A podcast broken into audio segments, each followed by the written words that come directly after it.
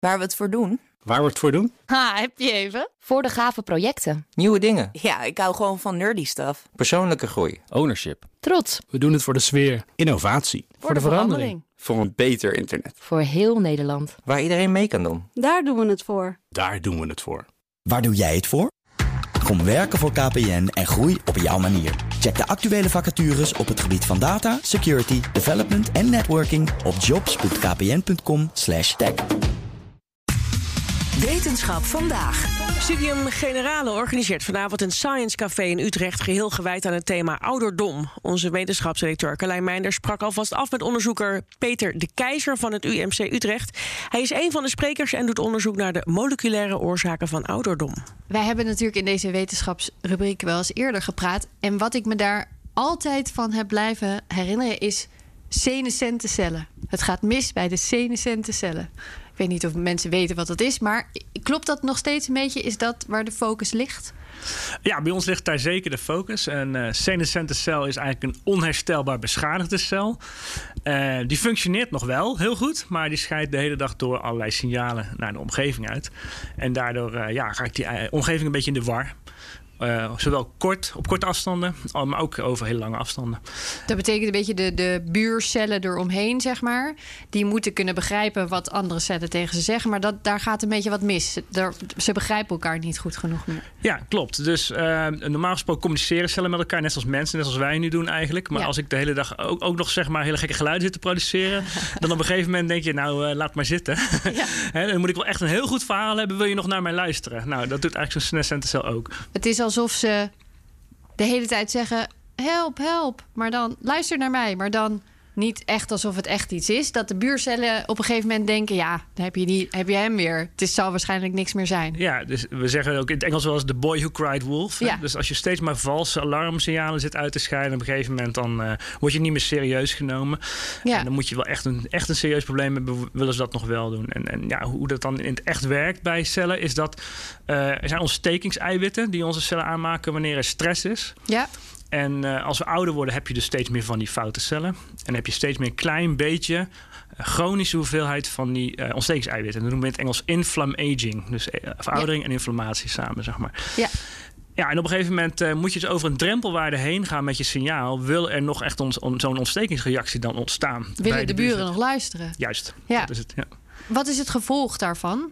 Dus dat, dat die communicatie niet helemaal meer lekker loopt? Ja, nou, dat is natuurlijk heel moeilijk. Want wij hebben het nu over eiwitten, meervoud. Maar we weten inmiddels dat zijn, hè, ooit toen het bedacht is, zijn er wel honderd verschillende eiwitten gevonden die het allemaal hierbij betrokken zijn. Ja.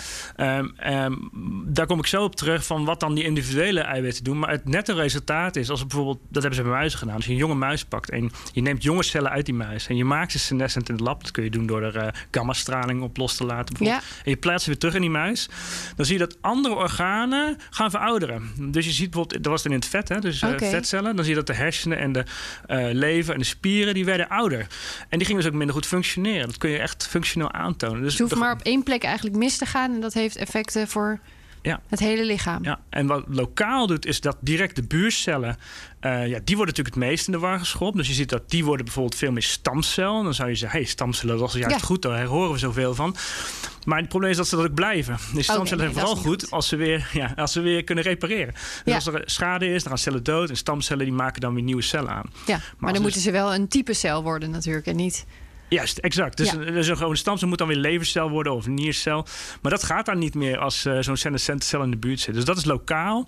En op een lange afstand zie je dan dus inderdaad dat het ook gebeurt in andere organen. Nou, dat hadden we nooit echt zo verwacht, zo heel erg. Maar Ja. 2018 is, is dat aangetoond. Dus nog na de laatste keer dat we gesproken hebben. Dat denk ik, ja. Ja, dus eh, dat is echt wel eh, vrij recent dat dat gevonden is. Ja. Ja, en, en ik kan me herinneren dat er... Hè, er was een beetje het idee dat er dan één middel zou zijn... en die zou dit probleem oplossen. En als dat werd gevonden, hadden we het wondermiddel tegen veroudering. Daar wordt nu wel anders over gedacht, toch? Ja, dat, we, dat hadden we toen al wel het idee van... Ja, hoe kan het nou dat er zoveel stoffen zijn die dan zoiets doen hè, tegen veroudering... en allemaal, allemaal tegen senescente cellen. Het was vooral in bakjes met cellen gedaan in het lab, zeg maar. En inmiddels weten we dat net als bijvoorbeeld bij kanker... er niet één soort is. Er zijn meerdere soorten senescente cellen... en die scheiden dus verschillende soorten van die ontstekingseiwitten uit. Ja. En dan moet je weten, jij hebt misschien type A. En dat, dat geeft jou ook uh, ongemak of ziekte A. En dan moet je ook stofje A gaan gebruiken. En bij mij is het type B, et cetera. Dus uh, op een gegeven moment moet je weten bij iemand... wat is nou de meest problematische vorm welk type senescence heb je.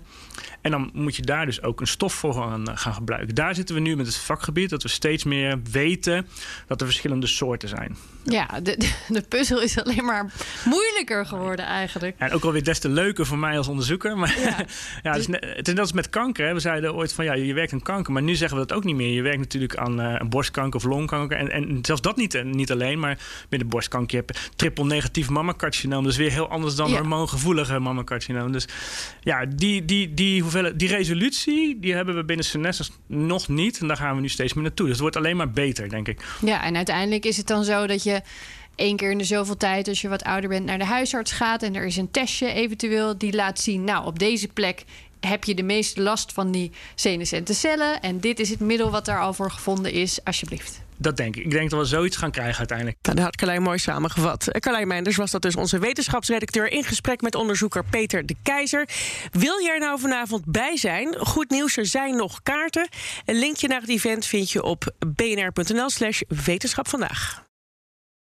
Ook Hugo Reitsma vind je in de BNR-app. Superhandig die BNR-app. Je kunt alle programma's live luisteren, breaking nieuwsmeldingen. Je blijft op de hoogte van het laatste zakelijke nieuws. En je vindt er alle BNR-podcasts, waaronder natuurlijk de belangrijkste, Boeken zijn in de wijk. Download nu de gratis BNR-app en blijf scherp.